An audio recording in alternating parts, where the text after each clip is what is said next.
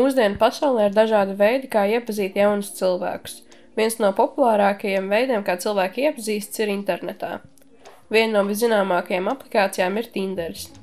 Tā ir aplikācija, kurā lietotāji visbiežāk cenšas izveidot romantiskas attiecības. Katram ir iespēja apskatīt citu lietotāju profilus, un paši ir pa labi, ja viņus šis cilvēks uzrunā, vai pa kreisi, ja nav intereses. Taču nevienmēr izdodas izveidot Tinderī tieši romantiskas attiecības.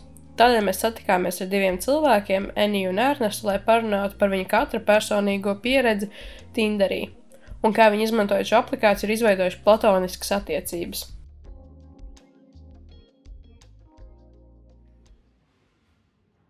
Tā ir Enija.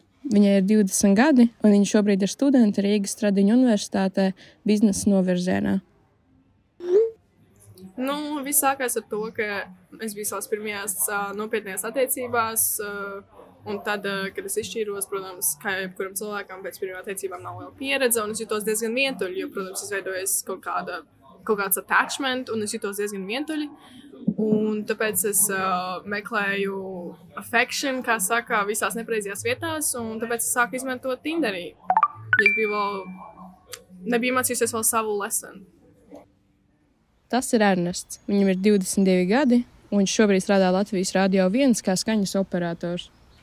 Es Tinder izvēlējos lietot, lai iepazītos ar jauniem cilvēkiem. Ja, tur ir tā, tā interesantā lieta.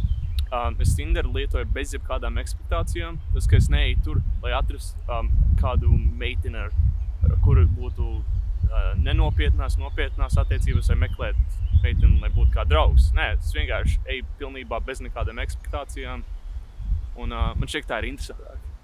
Un plus vēl tas, ka tu vienkārši esi tur, lai, lai iepazītos ar cilvēkiem. Un, um, tā interesanti pavadīt laiku komunicējot ar, ar pilnīgiem svešiniekiem. Man ir palikuši kopā trīs cilvēki, ar ko man vēl ir draudzība. Viens no tiem ir uh, mans šī brīdējais puisis. Tas diezgan apkaunojoši, bet tas tiešām nebija mērķis. Tas notika tad, kad es gribēju dzēst ārā Tinderi. Uh, un tad ir divi cilvēki, ar ko man ir draudzība. Ar vienu dziļāku draudzību, ar otru ir tāda, ka mēs ļoti reti runājam. Kad iepazīstos ar, um, ar jauniem cilvēkiem, ar Tinderu, ir divas domas galvā. Divi jautājumi, var tā teikt. Tas ir sistemātiski skatoties, to sistematizēt. Jo, protams, uz tajā laikā nav tāda racionāla domāšana, bet tas automātiski jau subconsciously tas jau notiek. Tie jautājumi ir, vai man viņa patīk un vai man viņa patīk. Tas ir, vai tev patīk kā cilvēks, vai viņš ir interesants, vai tev ir jauki, tā kā interesanti fun pavadīt laiku. Un arī otrs ir, nu, vai tev viņa patīk. Ar šo konkrēto vienu cilvēku tas vairāk bija tāpēc, ka pirmkārt mēs iepazināmies, kamēr es tehniski vēl biju attiecībās. Jo bija tā, ka mēs bijām kā nu, bija liels problēmas. Mēs kā izšķīrāmies. Es gribēju, es tīri vienkārši gribēju ar kādu, ar ko parunāt, jo to attiecību laikā viņas bija ļoti nogurdinošas. Biju praktiski pazaudējis visus savus tuvos draugus. Tāpēc es gribēju vienkārši ar kādu, ar ko parunāt. Tas ir vieglākais veids, kā atrast kādu, ar ko parunāt. Un, jā, un tad bija viens puisis.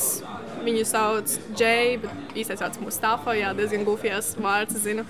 Bet, uh, viņš vienkārši bija tas cilvēks, ar kuru es runāju. Viņš man ļoti, ļoti atbalstīja, un es no viņa daudz ko ieguvu.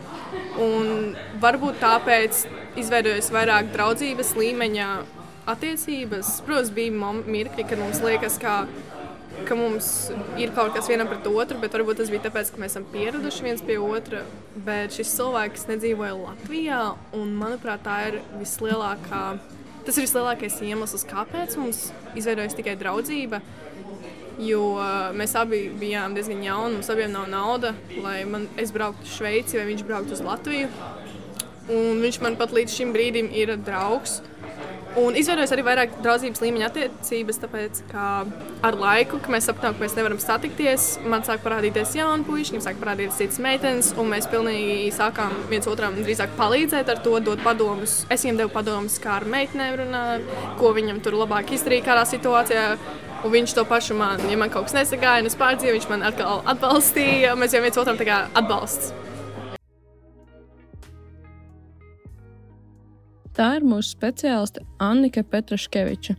Viņa šobrīd apgūst psiholoģiju Rīgas Stradiņu universitātē, un savu bakalaura darbu viņa raksta par tēmu iepazīšanās internetā.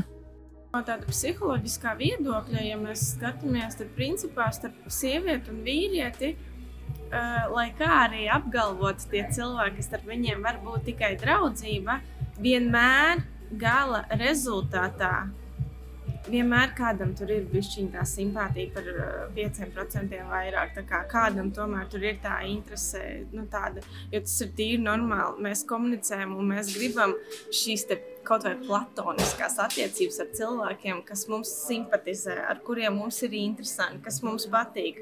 Un līdz ar to, jebkurā gadījumā, pat platoniskās attiecībās, Un vienmēr ir tas viens no tiem abiem cilvēkiem, kuram višķiņi tomēr varētu veidoties šis tā saucamais crash uz to otru cilvēku. Nu, tāds ir. Bet es pieļauju, ka ir gadījumi, kur tiešām cilvēki varbūt ir čomi. Bet es, es gribētu teikt, tomēr, ka tas ir diezgan, nu, diezgan nereāli. Laikam, jā. Caur Tinder runājot, īstenībā platoniskās attiecības veidojas ārkārtīgi ātri un viegli. Tāpēc, ka mēs pieregistrējamies, mēs satiekam savus komunikācijas interesantus partnerus. Un ir jāsaprot tas, ka cilvēks ļoti ātri pierod vispār. Mums ir ļoti milzīgs tas piereduma efekts. Un ir mēs, ja tev katru dienu kāds uzrakstītu, labrīt, kā tev šodien gāja, ar labu nakti, vai kā tev rītā, kāda tev plāna. Tu tā kā paliec ļoti piesaistoši atkarīgs no šīs uh, komunikācijas. Jo ir taču forši, kāds par tevi interesējās. Tu zini, ka tev uzrakstīs, tu zini, ka tev jāatbild. Un ļoti ātri tas burtiski notiek, manuprāt, tiešām tās ir pāris nedēļas, ka tev jau ir tāds uh, sev kā tāds uh, nu, brīdinājums, signāls, ka pagaidi, pagaidi, man jau šeit rodās uh, piesaiste. Varbūt ne tieši tam cilvēkam. Bet piesaiste mūsu komunikācijai, tas, ka mēs viens ar otru runājamies, tas, ka mēs viens ar otru regulāri sarakstamies, tā ir tā piesaiste, kas veidojās varbūt jau Eh, nemaz neņemot vērā tik ļoti tās simpātijas, bet vienkārši tas, ka mums patīk, ka mums ir šis paradums.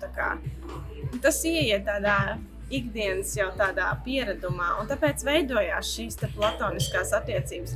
Un tad ir svarīgi noķert to brīdi, kur tas ved. Vai tas ved mūs tajā romantiskajā virzienā, vai mēs piekopsim tikai komunicēt aplikācijā un vispār neiesim uz randiņiem, vai vismaz vienreiz dzīvē dosim iespēju vienam ar otru satikties. No manas personīgās pieredzes var teikt, ka es zināju cilvēku, kas viņu bija redzējusi dzīvē divas reizes. Un tad mums vienkārši nevis online iepazīšanās aplikācijā, bet mums Instagramā izveidojās komunikācija vairāku mēnešu garumā. Un, un tur nekas neveidojās, nekādas romantiskas attiecības, tā ir tikai runāšanās.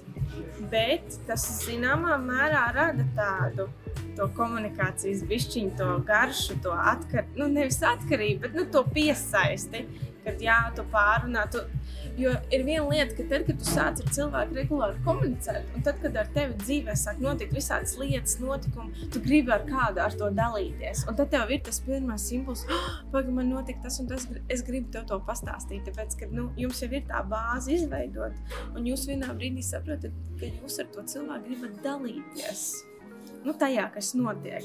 Bet tajā pašā laikā ir jāņem vērā, ka arī šādā platoniskā interneta draudzībā vienam cilvēkam tomēr būs lielāka piesaiste, un viens būs lielāks tas impulsa devējs vai tas iniciators tai sarunai. Tas arī jāsaprot. Ir, viens vienmēr ir lielāks tas darītājs, ja tās pat nav romantiskas attiecības. Tad viens ir tas, kas dod visu laiku to impulsu, un otrs vienkārši, kā teikt, tev forši atbild, piemēram, un uzvedina uz kaut kādu sarunu.